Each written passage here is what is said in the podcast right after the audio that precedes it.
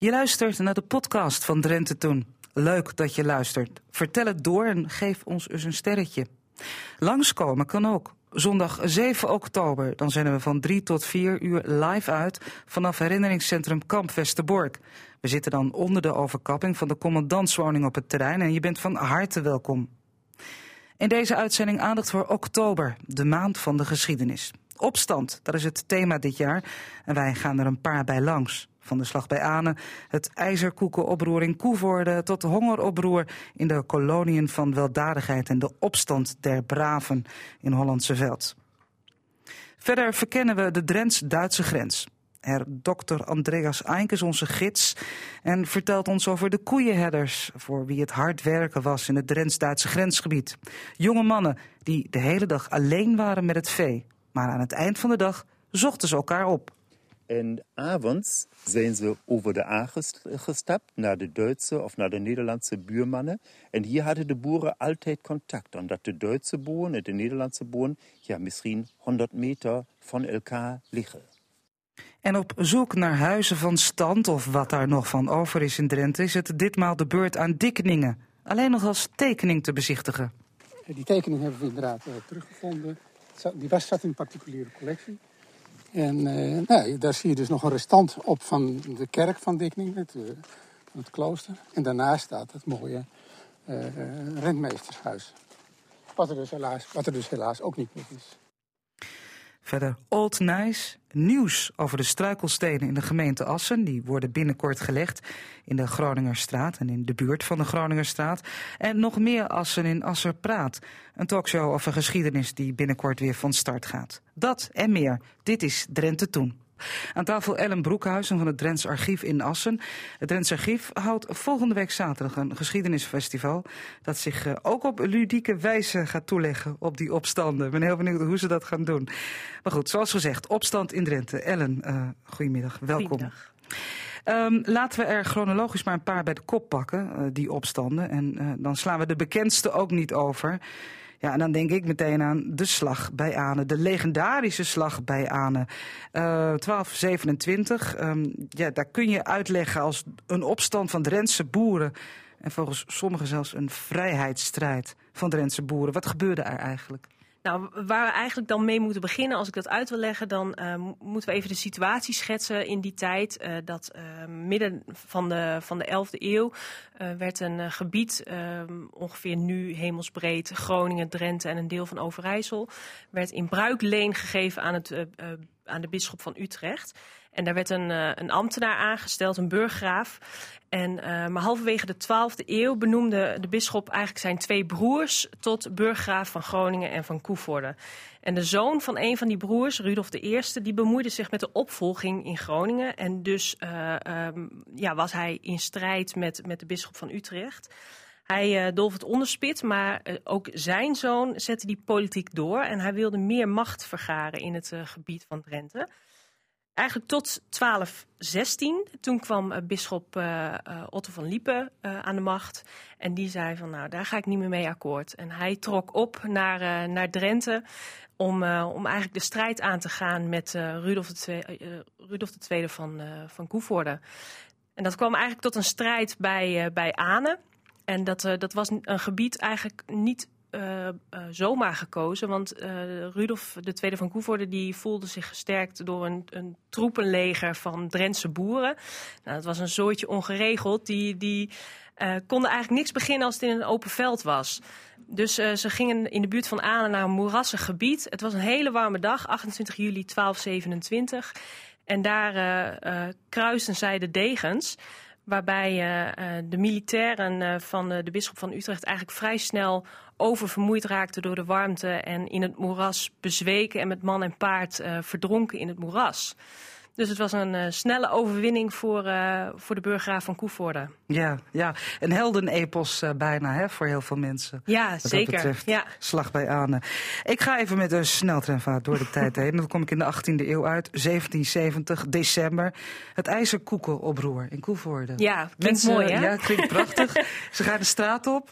En, uh, en, ze zijn kwaad op ja. het stadsbestuur. Ja, het stadsbestuur heeft uh, um, um, eigenlijk van het, van het uh, Nederduits gereformeerde uh, kerkbestuur te horen gekregen... Nou, het moet maar eens klaar zijn met uh, alle tradities rondom nieuwjaar. En dat was dat, dat ze met ijzerkoeken, dus met nieuwjaarskoeken... Kniepeties. kniepeties, nu de straat op gingen en straatlopers bedeelden. Maar dat ging natuurlijk gepaard met veel drank en veel gezang. En dus dat, dat zorgde voor, voor veel kabaal. En dat moest maar eens afgelopen zijn volgens het kerkbestuur. Dus er werd een eh, een verbod ingesteld op het nieuwjaarskoeken uh, uitdelen en het nieuwjaarslopen. Ja. En uh, nou ja, dat was natuurlijk uh, vinger op de zere plek leggen. Ja, tuurlijk. Ja, ja dus er werd een, uh, er werd een protest um, op, bij het kerkhof georganiseerd. Dat werd verboden. Nou ja, dat was natuurlijk olie op het vuur. Dus er, ja. Mensen gingen de straat op, het ijzerkoeken oproer. Ja. hebben ze hun zin gekregen? Uiteindelijk wel, ja. Eigenlijk gingen de, de heren bestuurders in Koevoorde al snel, al snel door de knieën. Maar uh, uh, de, de ijzerkoekenbaksters die voorop gingen in de strijd, die dachten van nou, we zetten toch nog even door. Want stel je voor dat als wij uh, ons omdraaien, dan gaan ze alsnog de plannen doorzetten voor een verbod. Dus het ging uiteindelijk ging het goed. En, uh, maar de, de magistraat, de, de, de, burgemeester van die tijd, die moest onder begeleiding van een groep garnizoensoldaten naar huis uh, keren. Want uh, hij kon door de menigte niet meer heen. Nee, ja goed, niet altijd win je, soms wel, soms niet. Wij we gaan nu naar een, een boerenopstand. In ons lijstje met bekende opstanden in Drenthe. En dat is alweer meer in onze tijd. 1963 uh, was het Hollandse veld. De opstand der braven. Ja, ja onder leiding van de bekende inmiddels boer Hendrik Koekoek. Later werd hij nog politicus. En dat had hij eigenlijk wel aan die opstand der braven te danken. Het, ehm, waar het eigenlijk om ging, een strijd voor rechtvaardigheid. Drie gezinnen zouden uit hun huis worden gezet in, in Hollandse veld. Zij weigerden de heffingen voor het landbouwschap te betalen. En ze woonden daar illegaal. En uh, duizenden vrije boeren onder leiding van Koekoek die uh, trokken naar Hollandse Veld uh, om uh, de uithuiszetting te voorkomen. Nou ja, en daar, dat moest natuurlijk een beetje beheerst worden. Dus daar kwamen 200 man gehelmde en met, met, met wapenstokken ja. Ja, en traangas. gezien. Kwam, kwam de politie orde op zaken stellen. En uh, dat lukte, maar het landbouwschap dat uh, bond wel in en trof uh, een regeling met, met de boeren die daardoor getroffen werden. Ja, en Boel Koekoek die werd daar heel bekend mee met zijn boerenpartij. Ja, hij kwam met drie zetels in de Tweede Kamer, de eerste verkiezingen na, na de opstand der Braven. Ja. Um, het gaat om macht, het gaat om om het afnemen van bepaalde voorrechten. Maar het gaat soms ook gewoon om honger. Ja. En dan komen we in de koloniën van weldadigheid terecht. Ik zeg dat zo nadrukkelijk omdat het ook hongeropstand, broodoproer uh, genoemd wordt, meerdere. Kun je daar wat over vertellen? Ja, eigenlijk is het een vrij onbekend uh, oproer in de kolonie van weldadigheid. Uh, het wordt ook wel door Wil Schakman, kolonioloog, de, het paasoproer genoemd. En het was in april 1840 een, een opstand van honger en armoede. En um, dat, dat kwam eigenlijk omdat uh, de, er was een nieuwe uh, inspecteur der kolonie aangesteld, een opvolger van Johannes van der Bos. En hij ging in april 1840 uh, de koloniën langs om, om de boel eens goed te inspecteren. Hij was op Goede Vrijdag naar Veenhuizen getogen en daar inspecteerde hij het derde gesticht. Op zaterdag zou hij het tweede gesticht doen. En uh, op eerste paasdag, nou ja, hij, hij hield ook zo'n goed fatsoen. Hij, uh, op, op, op, feestdagen deed hij even niks. Maar op tweede paasdag wilde hij eigenlijk wel weer aan de slag. En dat zorgde eigenlijk voor een, een ja, een, een hij, hij, kreeg een boze brief van de pastoor dat dat toch eigenlijk niet de bedoeling was. Nee, nee. En een dag later wilde hij weer vertrekken. Hij moest naar Wateren. En toen hoorde hij, kwam hem te oren, er is oproer in het tweede gesticht, het Bedelaarsgesticht. En uh, een, het volk in de zaal van Gijs Bertus de Waal, die wilde brood voor de volgende dag hebben, want ze hadden honger. En die honger die ontstond omdat het winkeltje op, op het tweede gesticht was gesloten tijdens de paasdagen. Dus ze konden geen extra eten inkopen.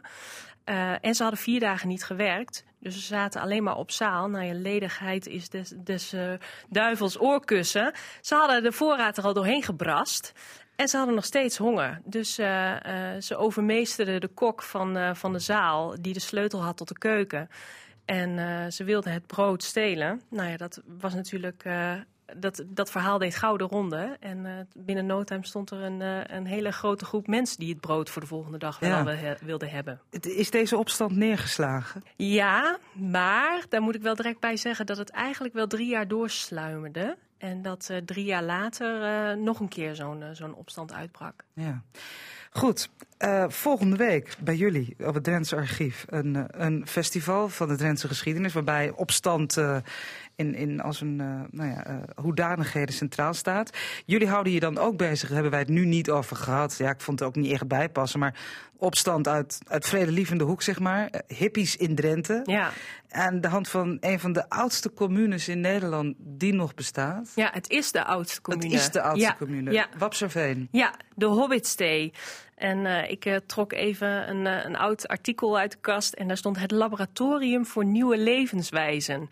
Nou ja, dat is toch wel mooi omschreven. En dat was echt het afzetten tegen het kapitalisme. Het moest, moest allemaal anders. Het, ja. het utopia avant la lettre. Het, het innoveren en het invoeren van een biodynamische landbouw. En het ja, zorgen dat je je eigen, je eigen maatschappij ja. creëert. En dat vonden ze in een oude boerderij in Drenthe? Ja, daar ja. trokken uh, mensen uit het westen van het land trokken naar, uh, naar Drenthe, waar, uh, waar alles nog mooi groen was en waar het leven opnieuw kon beginnen. Ja, mooi. Mooie naam ook natuurlijk, de Hobbitstee. Ja, Vanaf ja. 1969 zaten ze daar. Um, wat, ga je volgende week, wat gaan jullie volgende week nog meer doen? Kun je dat in kort bestek even aan ons uitleggen? Nou ja, uh, alle opstanden die we, waar we het net over gehad hebben, komen natuurlijk voorbij. Maar er zijn ook uh, ja, er zijn talloze uh, lezingen. Ook Ida Terluin, die een, die een biografie over Hendrik Koekoek heeft geschreven, komt langs. Wil Schakman vertelt iets over de Bedelaars-opstand. Maar we hebben ook, opstand is natuurlijk ook protestsongs. Dus Harry Loco, de bekende zanger uit Fries, komt, komt optreden. Egbert Hovenkamp komt zijn dichten voor, voordragen. Er is een uh, modeshow met tegendraadse mode uit alle, alle eeuwen. Dus ja, met lezingen en workshops. Er is echt van alles te doen uh, op 6 oktober. Ja, hartstikke leuk. 6 oktober, dus zaterdag van 1 tot 5. Er staat ook wel bij jullie uh, op de website. Ellen, mag ik je hartelijk danken voor jouw mooie uiteenzetting. Graag gedaan. Radio Drenthe presenteert opnamen uit het archief. En wij gaan even door met die boerenopstand. De opstand der braven. U hoorde Ellen daar zojuist al over. In 1963 in Hollandse Veld. Een rebellie onder leiding van de Nederlandse landbouwer en politicus Hendrik Koekoek. Tegen de huisuitzetting van drie boerengezinnen. En daarmee tegen het landbouwschap. Klaas Hartman was een van die boeren in Hollandse Veld, wiens huis op 5 maart 1963 ontruimd zou worden door het landbouwschap. En dit, in dit fragment dat we nu gaan horen uit ons radioarchief, horen we hoe hij zich opwindt over dit onrecht. U wist het wel. Dus je doet dat bij iedereen voor 140 ja. Ja. Je liegt. Nee. Je kon niet één of twee koeien verkopen met zeg maar 25 politieman en die ophalen. Dat konden ze niet. Maar wel de boerderij ontruimen. Als ik mijn zin kreeg, dan hou voor de avonds. Weet je dat wel?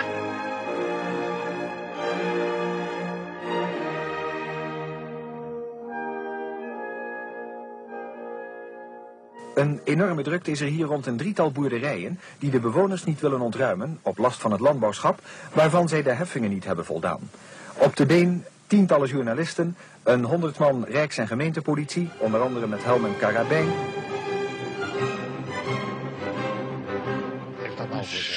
Je bent een schark, man. Wat heeft dat Dat nou dat je dat nog verdedigt. Ja, kijk, ik praat niet met Ja. Nee, zoek hem met er maar op.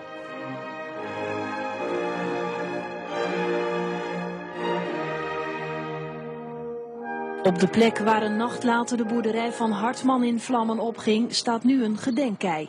Opdat wij niet vergeten, de slag in Hollandse Veld 1963. En hier is Aldert met een stapel oude kranten. Old Nijs. Straks schouw in Drenthe toen met dokter Andreas Eyink van het Emsland Museum een de weg in het Nederlands-Duitse grensgebied. En dit keer gaat het over het grensriviertje het Schonebekerdiep. En laat het nou net een provinciale Overijsselse en Zwolse kraan van 27 oktober 1931 opslaan. En daarin vind ik een prachtig verslag over de, zo staat hier, normalisatie van het Schoonbekerdiep. Minister Ruis zet de laatste stuw in werking. Gisteren is de laatste stuw in het Schonebekerdiep, het grensriviertje tussen de gemeenten Koevoorden en Schonebeek, en den krijs Bentheim, door meester Ruis de Berenbroek en de regeringspresident te Osnabrück, Dr. Sonnenschein, in werking gesteld. Door die normalisatie is het Schonebekerdiep 6 kilometer korter geworden. Vroeger was het 26 kilometer lang, thans is het nog 20 kilometer. In het genormaliseerde diep zijn een aantal stuwen aangebracht om de waterstand te kunnen regelen. Door de normalisatie is 11.000 hectare drooggelegd. Deels liggen deze gronden in Duitsland en deels in Nederland. De kosten van het werk hebben bedragen 225.000 gulden, waarvan door de Nederlandse regering 100.000 gulden als werkverschaffingssubsidie is bijgedragen, want het werk is geheel bij wijze van werkverschaffing tot stand gebracht. De landbouwers in het gebied waren er over het algemeen wel tevreden met, want zo staat hier, toen de voorzitter van het waterschap zowel te Nieuw als te Oud-Schonebeek zitting hielden om klachten over het werk in ontvangst te nemen, verscheen niet één klagende ingeland.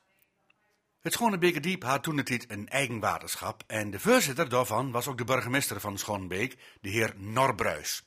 En die wil nog wel even verteld hebben dat de Duitsers drie vijfde van het werk hebben uitgevoerd en de Nederlanders twee vijfde, en dat dus genoemd bedrag van 225.000 gulden ook slechts betrekking heeft op twee vijfde deel van het werk. Heel wat bobo's waren toen het naar het gemeentehuis van Schonebeek reist om daar te vieren dat de normalisatie van het Schonebekerdiep afrond was. Daarbij was ook een zekere meester Smeenge, en dat was een man, zo staat hier, die alle bijzonderheden van alle Drentse gemeenten kent. Hij wist minister Ruis belangstelling in te boezemen voor een oude veestal, Bo genaamd, waar men in de 17e eeuw reeds veestalde en welke nu nog als veestal wordt gebruikt. Schonebeek heeft nog twee boen, Hekmansbo en Wilmsbo. De bo van Hekman heeft minister Ruis en met hem het hele gezelschap bezichtigd. Van hier, zo ging de kraan verder, begaf het gezelschap zich naar de laatste stuw achter Vlieghuis, waar aan de Duitse zijde de Duitse vlag wapperde en de Nederlandse driekleur aan Nederlandse zijde. De beide stuwdeuren waren bevestigd en de slingers waren met oranje lint aan Nederlandse zijde en wit-zwart lint aan Duitse zijde vastgemaakt. Nadat het woord was gevoerd door dokter Scheffer, landraad in den krijs Bentheim, en de voorzitter van het waterschap, sprak minister Ruis de Berenbroek die mededeelde dat men het werk van den voorzitter van het waterschap zodanig heeft gewaardeerd dat de koningin hem tot ridder in de orde van Oranje-Nassau heeft benoemd. Nou, mooi toch? Ja, het normaliseren van een bekie, een rivier, was toen het niet heel erg modern, maar voortschrijdend inzicht heeft intussen bepaald dat al die bekies weer meanderend maakt bent, maar dat is wel zo fijn voor de natuur. Het Schonebekerdiep was dus 26 kilometer, weer 20 kilometer maakt. Wat zou het nou wezen? Weer 26? En ik ben blij dat hij bij mij aan tafel zit. Sjoerd Post van de historische vereniging De Smilde. Uh, meneer Post, hallo. Je mag Sjoerd zeggen, hè? Sjoerd, ja, nou goed. Sjoerd, je zit in het bestuur van de Smilde, hè? Nee, ik zit niet in het bestuur. Ik bezoek namens de redactie wel de bestuursvergadering. Ja. Maar ik zit dus niet echt in het bestuur. Zou ik ook niet willen. Oh, nou ja, goed. Zeg, het verbaasde mij dat uh, uh, de Smilde, de historische vereniging... Uh, die deze week 15 jaar bestaat, nog maar 15 jaar bestaat. Want ja, nee, de Smilde die heeft toch altijd al wel een historische vereniging gehad, dacht ik. Ja, dat is waar, maar blijkbaar, maar dan praat ik ook van voor mijn tijd, is dat eerder niet gelukt. Zijn wel pogingen in het werk gesteld. Maar uiteindelijk heeft het tot 2002 geduurd voordat eigenlijk de eerste stappen zijn gezet.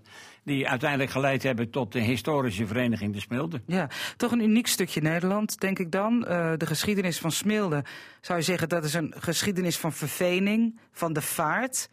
Maar het is nog veel ouder natuurlijk, hè? want daar zijn ook prehistorische bruggen gevonden. Ja, maar in feite begint de echte geschiedenis begint toch in feite dus bij de vervening. Daarvoor, ja, er zijn, er zijn historische bruggen gevonden. Uh, maar daar is toch niet zo heel veel van bekend. Nee. Eigenlijk, uh, ons werk als historische vereniging uh, gaat toch met name over die periode vanaf de vervening tot nu aan toe. Ja. En het wordt natuurlijk iedere dag. Gisteren is weer vandaag historie, ja. Dat gaat maar door. Ja, ja. Maar goed, kom ik even terug op dat unieke stukje Nederland. Uh, want hè, waar, uh, waar uh, verveling plaatsvindt, waar water is, daar komen mensen bij elkaar. Die gaan daar wonen. En als je nou nog niet zo bekend bent in Drenthe, dan vergis je je vaak in de Smildes. Want het zijn er een paar. Waar is het nou eigenlijk begonnen? Het is begonnen in wat nu heet Hoge Smilde. En wat vroeger heette de Oude Smilde. En omdat dat een, een heerlijkheid was praten we nog altijd wonen op de Smilde. Dat heeft te maken met dat je woonde op een heerlijkheid. En dat heeft zich nu uitgebreid tot heel de Smilde. Ja. Dat is ook zo frappant toen ik hier kwam wonen, inmiddels tik 40 jaar geleden, had ik zoiets van de Smilde. Ja, je woont op de Smilde. Uh, dat woordje de heb ik nog nooit goed kunnen plaatsen. Dat op wel dus, maar... Ja, ja. En als je er vandaan komt, als je er wegkomt, dan ben je een smildiger. En ja. jij bent dus, ben je nou inmiddels ook een smildiger of gaan daar drie generaties overheen? Nou ja, kijk, dat is een aardig verhaal. Toen ik pas in Smilde woonde, had ik nog niks met de historische vereniging, maar wel met allerlei andere besturen waar ik in kwam. En dan kreeg ik vaak aan het eind van een discussie te horen: je komt hier toch niet weg, je bent toch import. Toen ben ik me gaan verdiepen in de geschiedenis van met name Smilde, waar ik toen al boven Smilde, waar ik woonde. En toen ontdekte ik eigenlijk die verveningsperiode. En toen ontdekte ik dat er niemand hier wegkwam. Dat het allemaal import is. Alleen toevallig wat eerder uit Duitsland, uit Friesland en uit dat verrekte Holland, wat zo vaak over Holland werd gesproken. Dus in een vervolgdiscussie, toen ik hier een aantal jaren woonde en dat aandurfde, toen zei ik op een gegeven moment, toen iemand weer zei, maar jij komt hier niet weg, maar je ook niet. ja, hoe bedoel je? Ik zei, nou, jij komt hier ook niet weg. Jij bent ook import als ik alleen iets eerder gekomen. Maar werd dat geaccepteerd? Dat werd toen geaccepteerd. Dat had ik niet moeten doen toen ik hier pas woonde hoor. Dat was het zeker niet geaccepteerd.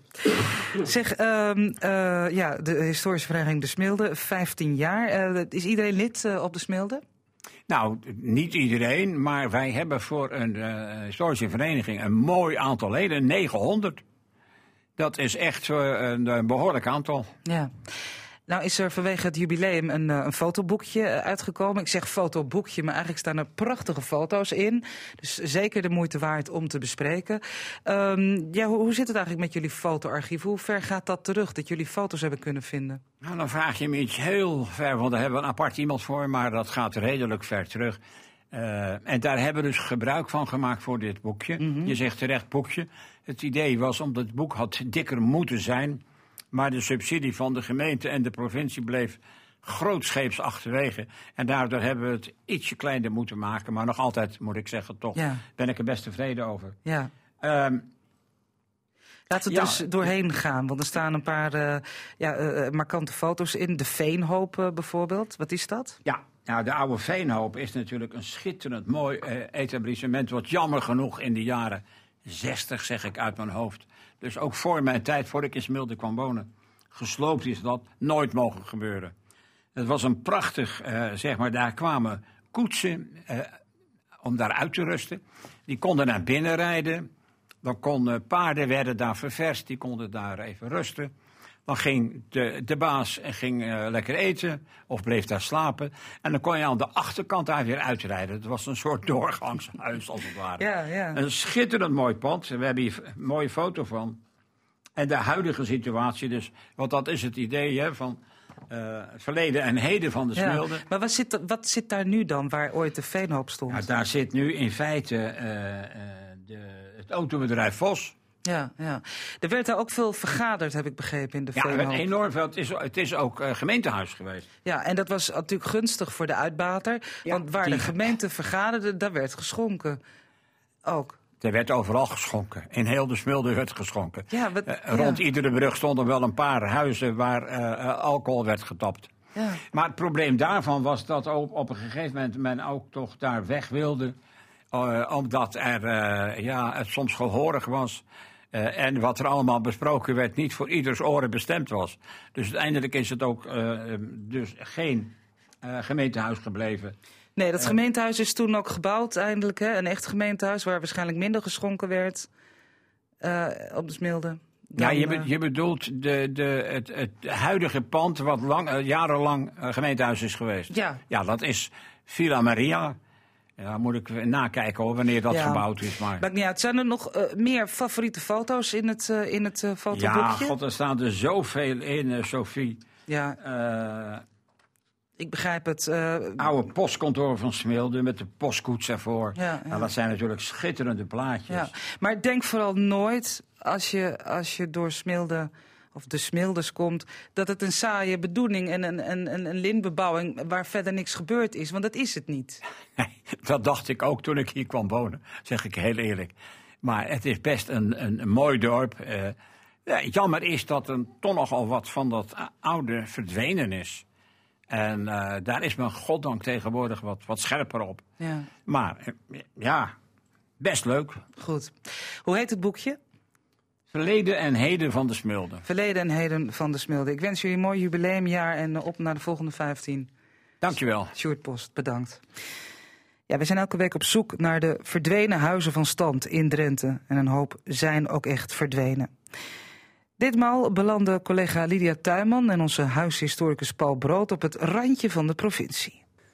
Een groen met witte slagboom over een stoffig pad, onverhard. En een klein eh, groen met wit huis erbij. Waar zijn we hier, Paul Brood?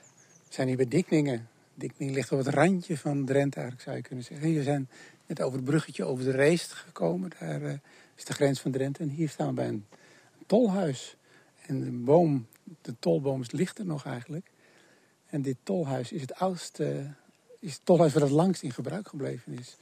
Volgens mij tot in de jaren 50 van de vorige eeuw moest je hier tol betalen als je wel over deze weg gaat. Moest je, het huisje staat er nog. Je komt hier zo Drenthe binnen en dan kom je bij eh, Dikningen terecht. Ja, we lopen nu eh, langs de mais in de richting van Dikningen. Althans, dat hopen we.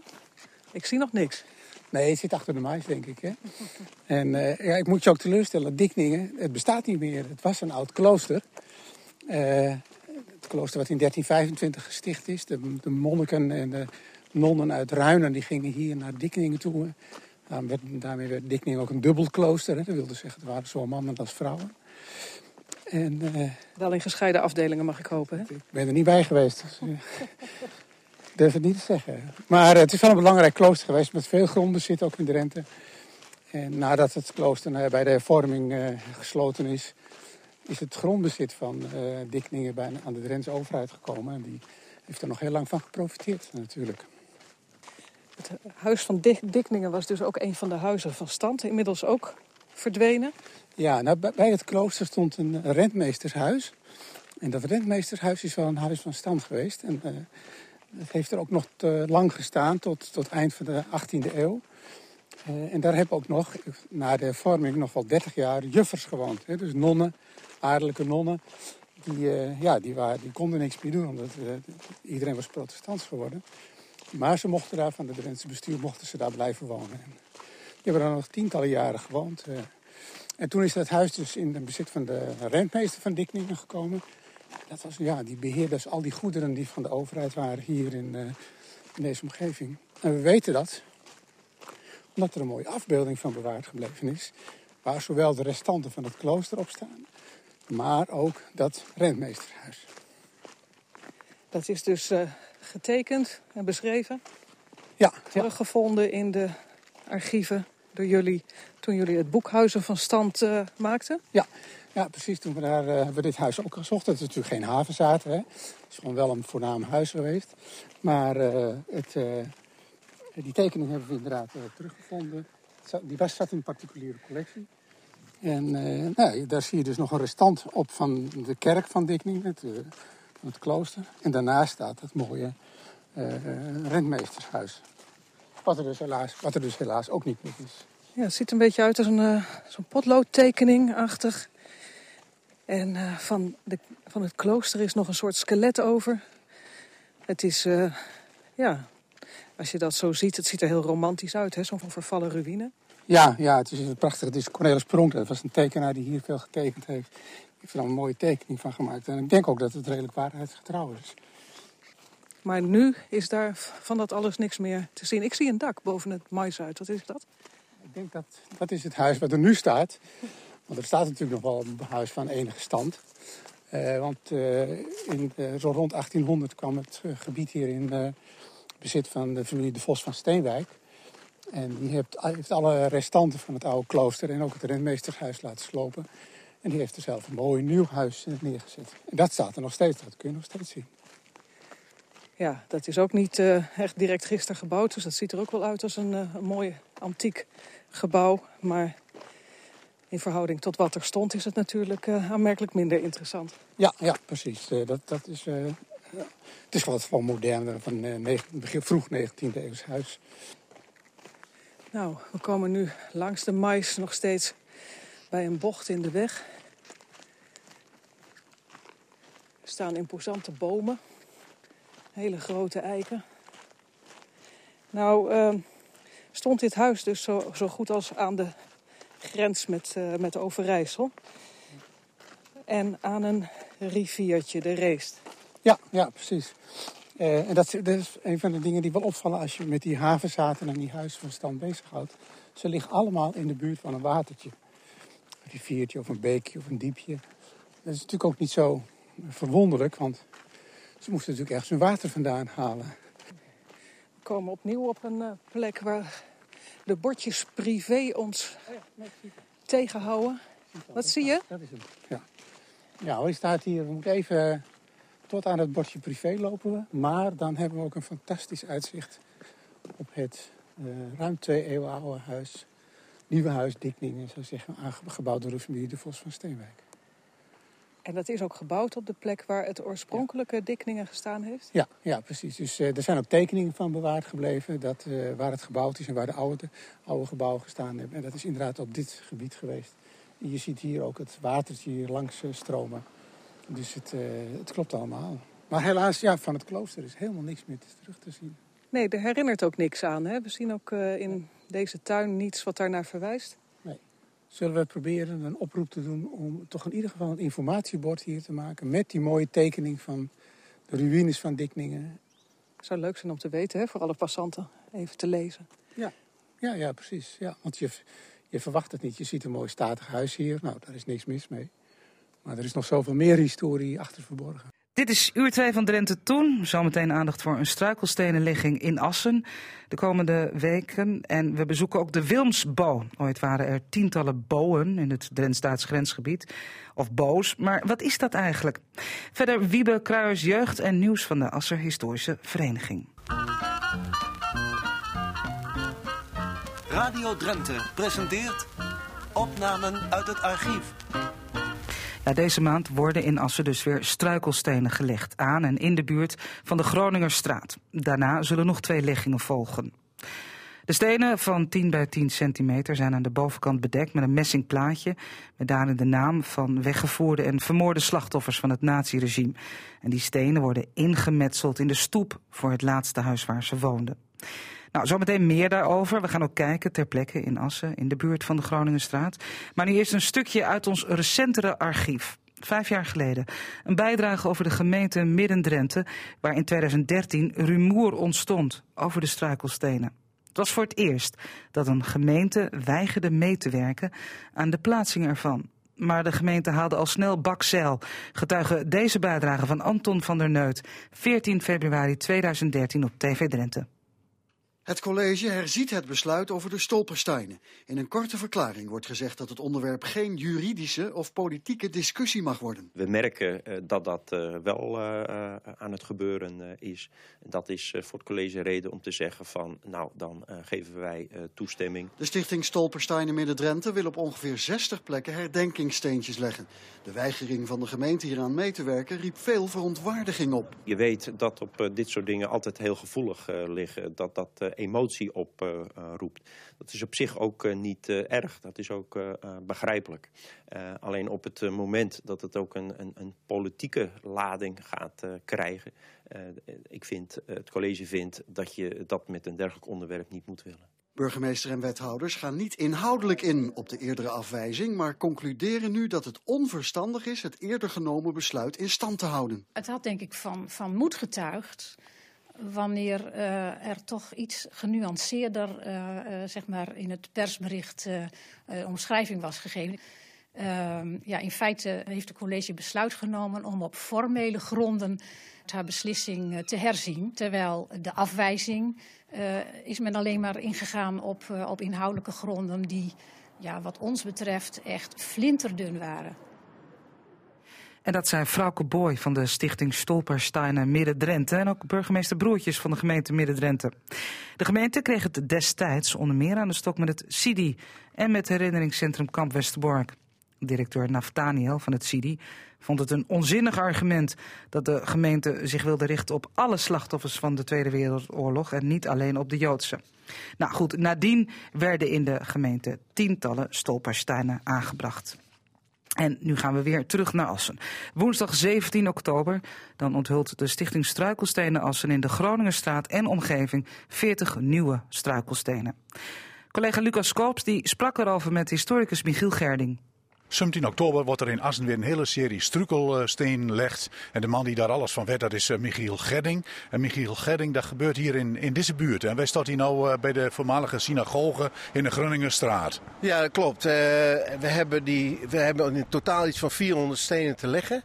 En dat doen we een beetje gegroepeerd per straat of per wijk, zodat we de, van het ene adres naar het andere kunnen lopen. En nu doen we dat dus met zo'n 40 stenen hier in de Groningerstraat en omgeving. Want je kunt zeggen dat dit een belangrijke Joodse buurt was voor de Tweede Wereldoorlog. Ja, dat, kijk, alles wat oud Assen is, hè, uh, oude straten en zo, daar wonen dus ook veel Joden. Want er is natuurlijk een rijke Joodse gemeenschap in Assen. En uh, dus daar vind je ook nog steeds dan de adressen.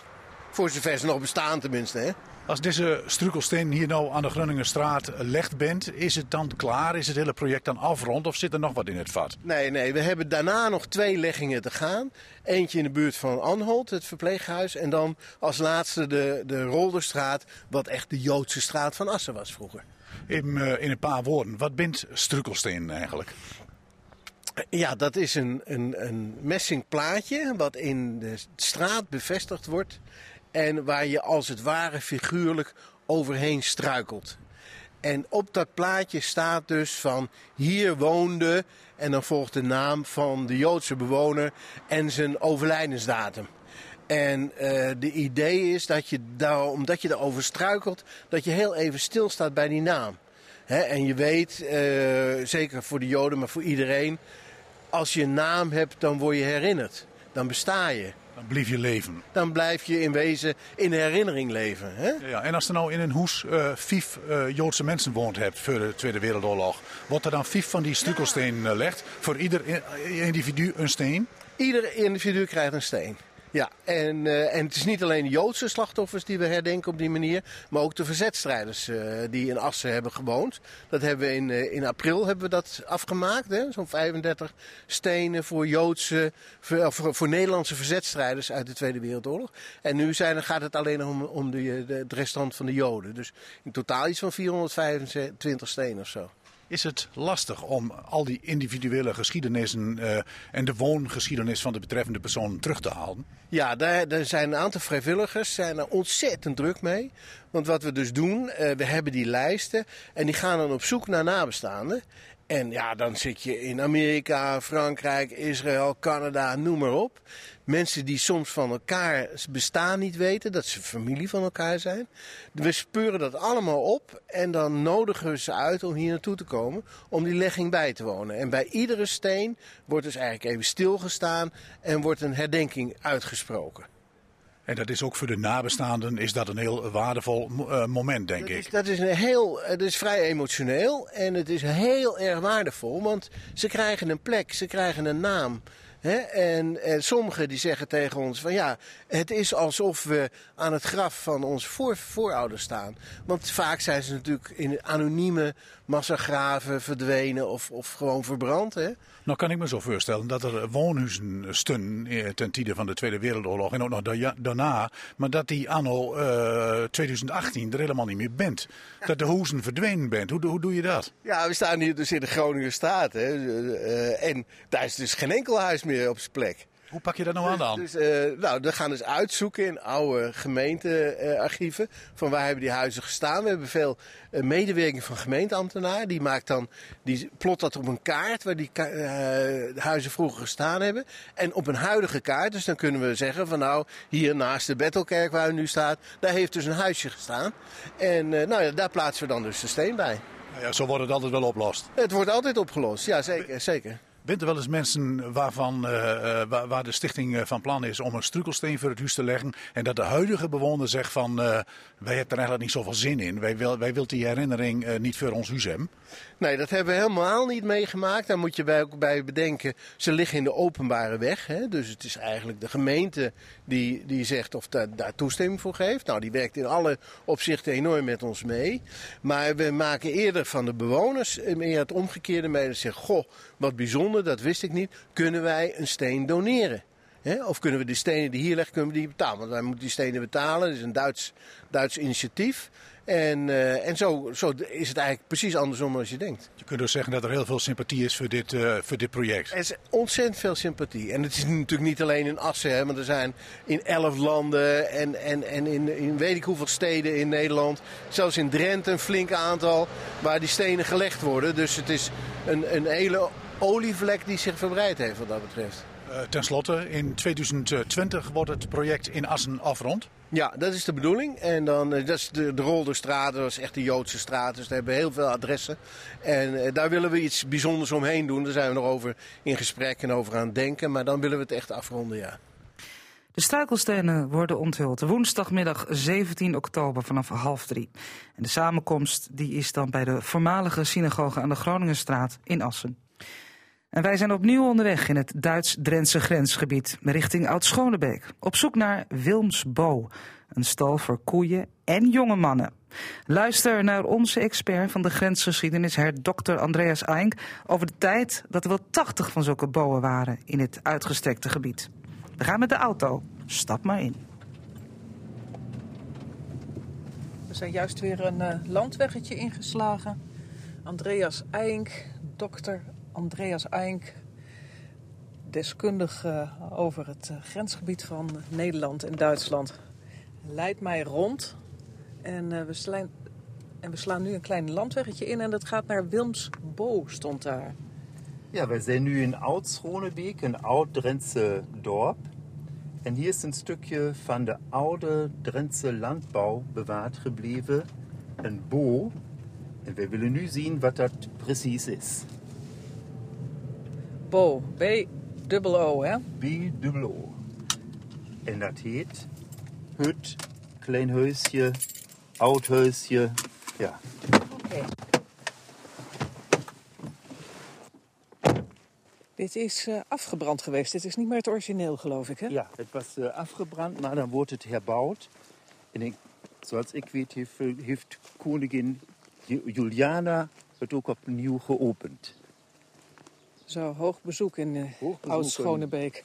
Hoog bezoek in Wilmsbo.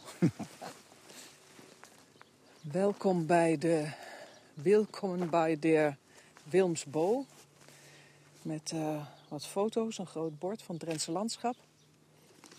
Dit is wel uh, een bijzonder monument, hè? Ja, het is de laatste bo in het uh, Aartaal. Het is nog uit de tijd voor de vervening. En uh, hier in het Aartaal waren maten, weiland voor het vee, ongeveer vijf kilometer af van het dorp Oud-Schronebeek.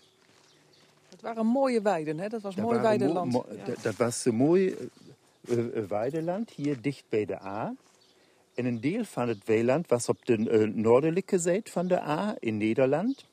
En de, op de andere kant op de, was Graafschap Bentheim. En daar hadden ze ook goede weiden. Maar het was ook ver weg van het uh, Bentheimse dorp. Dat heet Ringe. Vandaag Groot Ringe is nu nog een, uh, um, een klein dorpje bij Emlichheim. Uh -huh. En daar hebben de, de boeren hebben uh, nagedacht hoe, kun, hoe kunnen wij de weien um, nutten.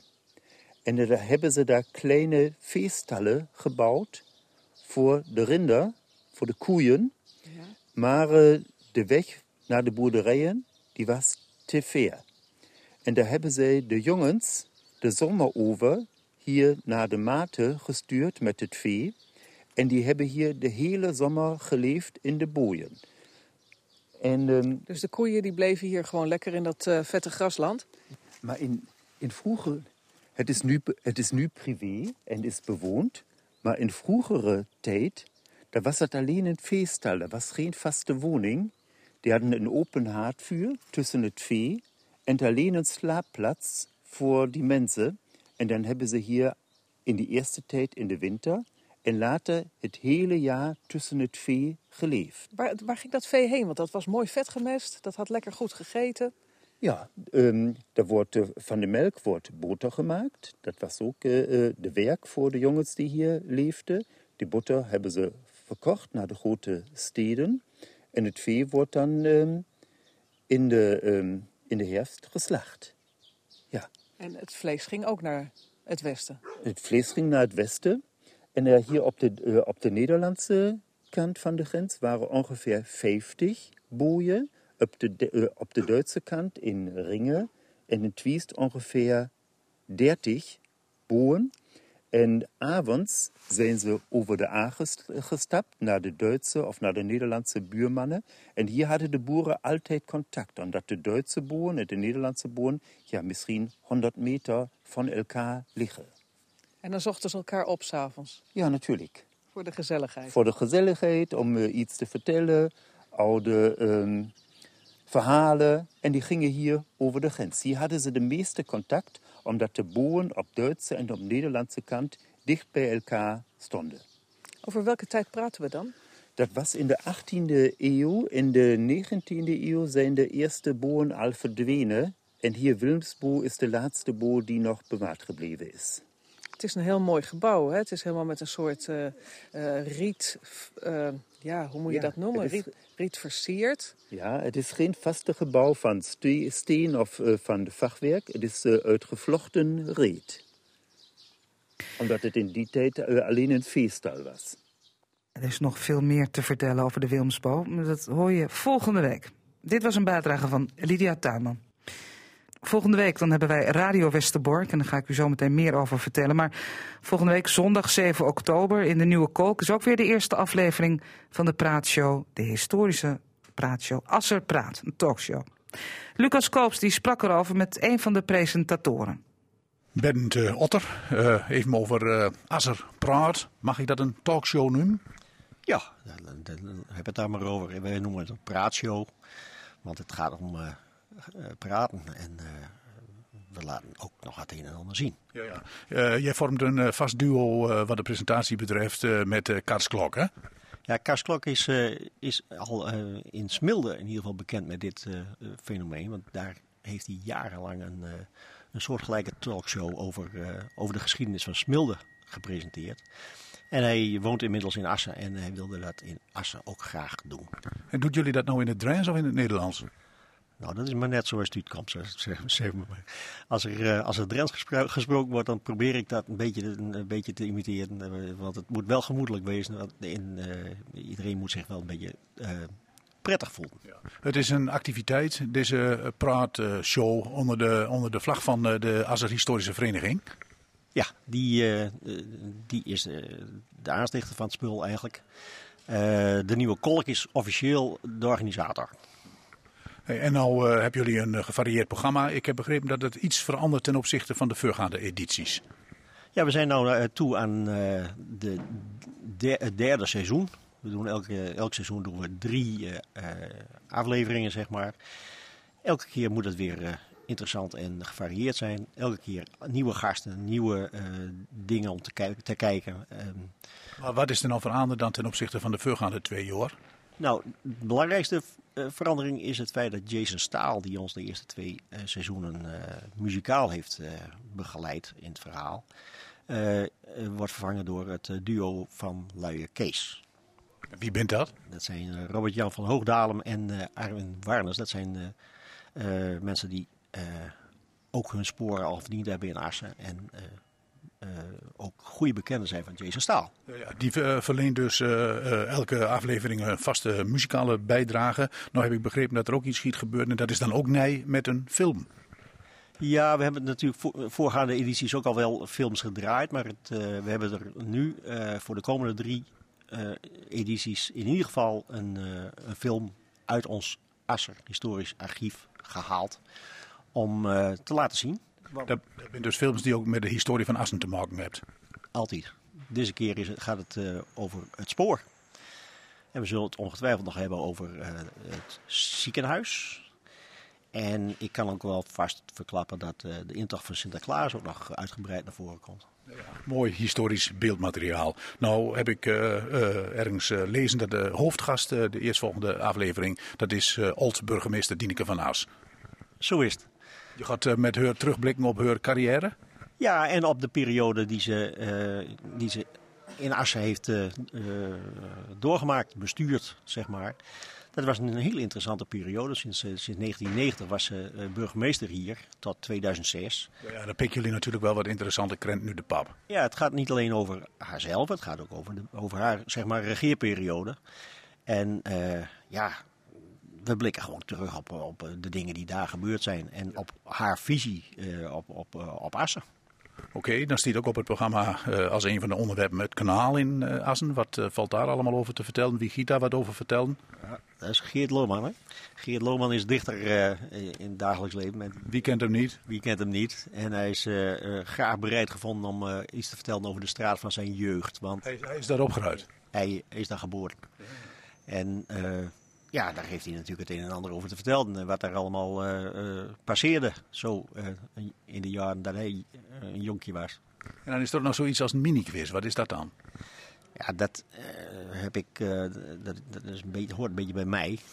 Ik, ik maak elk jaar voor de Asristorische Vereniging, voor de jaarvergadering, een geschiedenisquiz. De, de, en dat gaat over de Assergeschiedenis en eigenlijk wat er allemaal in het Asserhistorisch tijdschrift heeft gestaan.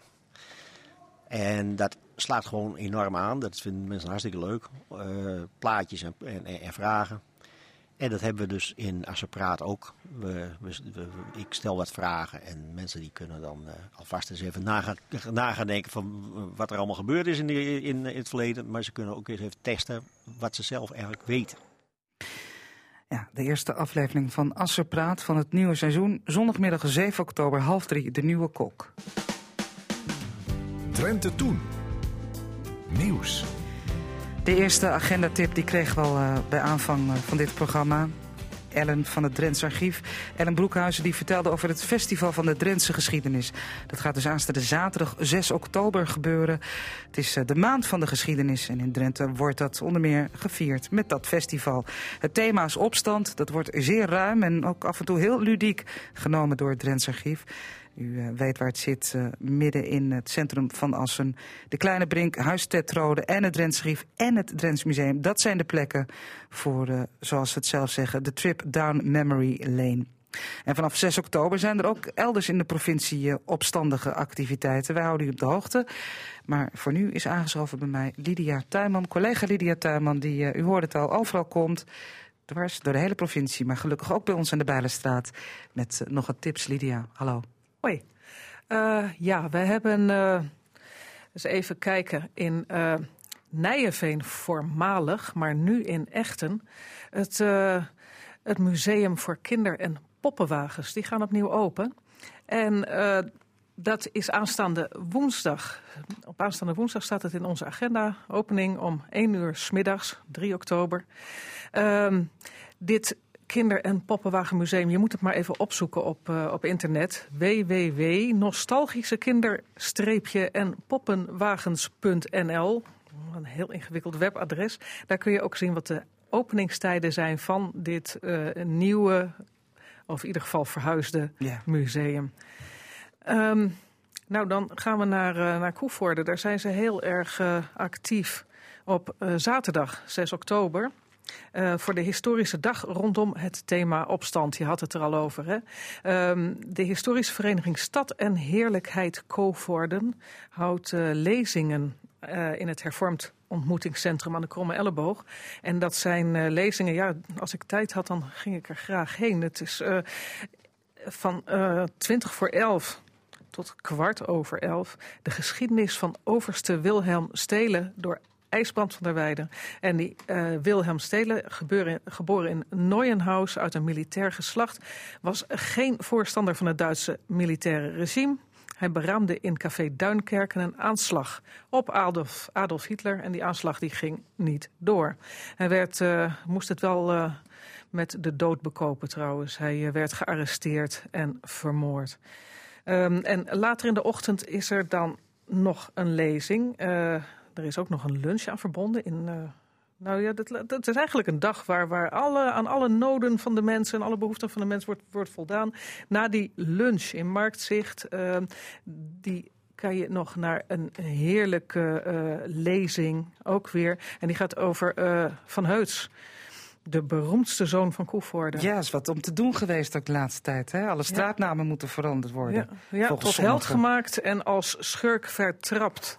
En is dat terecht? Nou, die lezing die, uh, die gaat daarop in. En uh, nou ja, dan kun je nog mee naar de tijdelijke tentoonstelling over het ijzerkoekenoproer in het arsenaal. Nou ja, het is een uh, bijzondere dag.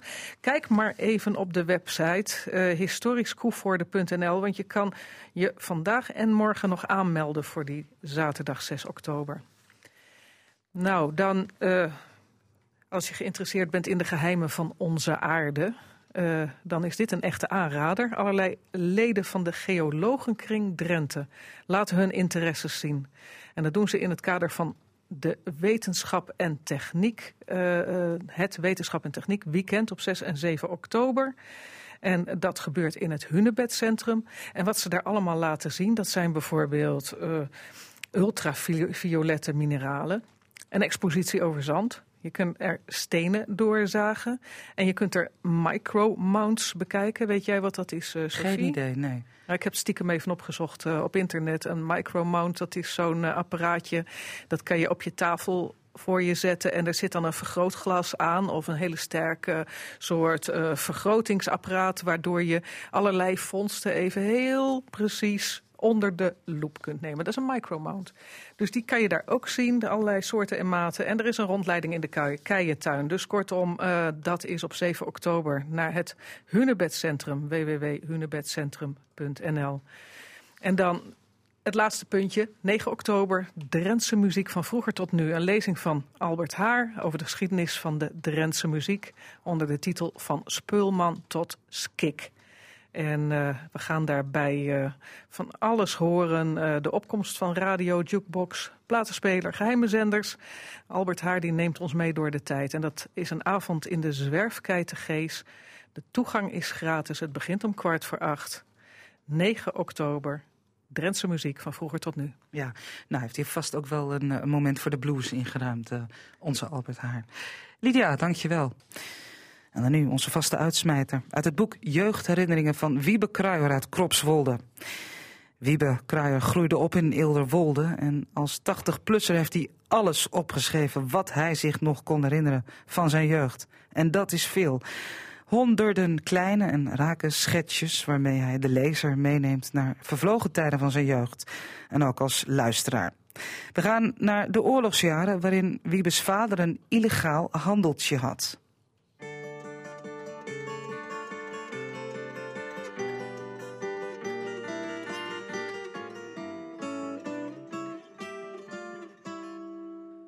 Wij kennen een vorm van bokjespringen die we op school nooit speelden. De bok stond daarbij in een gebogen houding met zijn handen steunend op een hek. En dat hek dat was meestal dat van Geert Benzink. De overige kinderen sprongen dan om de beurt op de bok, tikten die dan op zijn schouder, staken een aantal vingers omhoog of achter hun rug en zei dan... Bok, bok, hoeveel hoorns heeft de bok? Als de bok het juiste aantal vingers had geraden, werd hij door zijn last afgelost. Ook de nieuwe bok moest zo lang bokje staan dat ook hij weer werd afgelost als hij het juiste aantal opgestoken vingers had geraden. Dit hek van Geert Benzink was voor ons een soort plaats van samenkomst. Onze hangplek zouden ze tegenwoordig zeggen. Het bood ons een gelegenheid om erop te zitten. We voelden ons vrij en in feite had niemand daar last van ons. Ik heb dan ook nooit begrepen waarom Geert Benzink op een dag prikkeldraad op dit hek heeft gespijkerd. De schade die wij aan het hek aanrichten moet toch miniem zijn geweest. Tollen, of toppen zoals wij het spel noemen, deden we zowel op school als bij ons op straat. De betonweg was daar erg geschikt voor. Met zweepslagen lieten we een tol draaien en het was de kunst de tol van boven zo te kleuren dat dit bij snel draaien mooi effect gaf. Auto's waren er in die tijd nog maar weinig, maar dan was er nog altijd voldoende gelegenheid om aan de kant te gaan, evenals bij het naderen van een paard en wagen.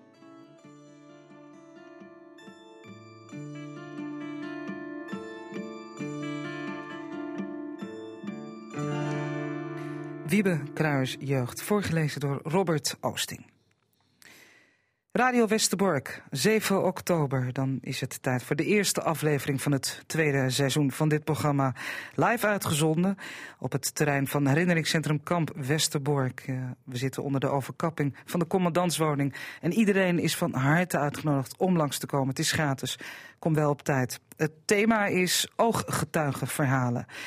En daarvoor te gast zijn conservator Guido Abuis. Hij interviewde de afgelopen jaren meer dan 300 ooggetuigen. En hij heeft al deze verhalen ook opgenomen op film om ze te bewaren voor de toekomst. En mevrouw schoenmaker Kopoloviciu is te gast. Haar oorlogsverhaal, ook door Guido Abuis vastgelegd, omvat het overleven van drie kampen. Ze kon er jaren niet over spreken, maar pas op latere leeftijd kon ze dat en besloot ze haar verhaal te delen. En ook Astrid Kanis. Haar ouders overleefden de oorlog in de Onderdijk en zij vertelt nu hun geschiedenis door. En ook zij is de gast in Radio Westerbork. We hebben muziek, koffie en thee. Het is gratis. U bent van harte welkom. Drie uur, zondag 7 oktober, van onder de overkapping van de commandantswoning op het kampterrein. Je luisterde naar de podcast van Drenthe Toen. Vond je het leuk? Vertel het door. En luister ook eens naar onze andere podcasts van Casata bijvoorbeeld en de Sportkast.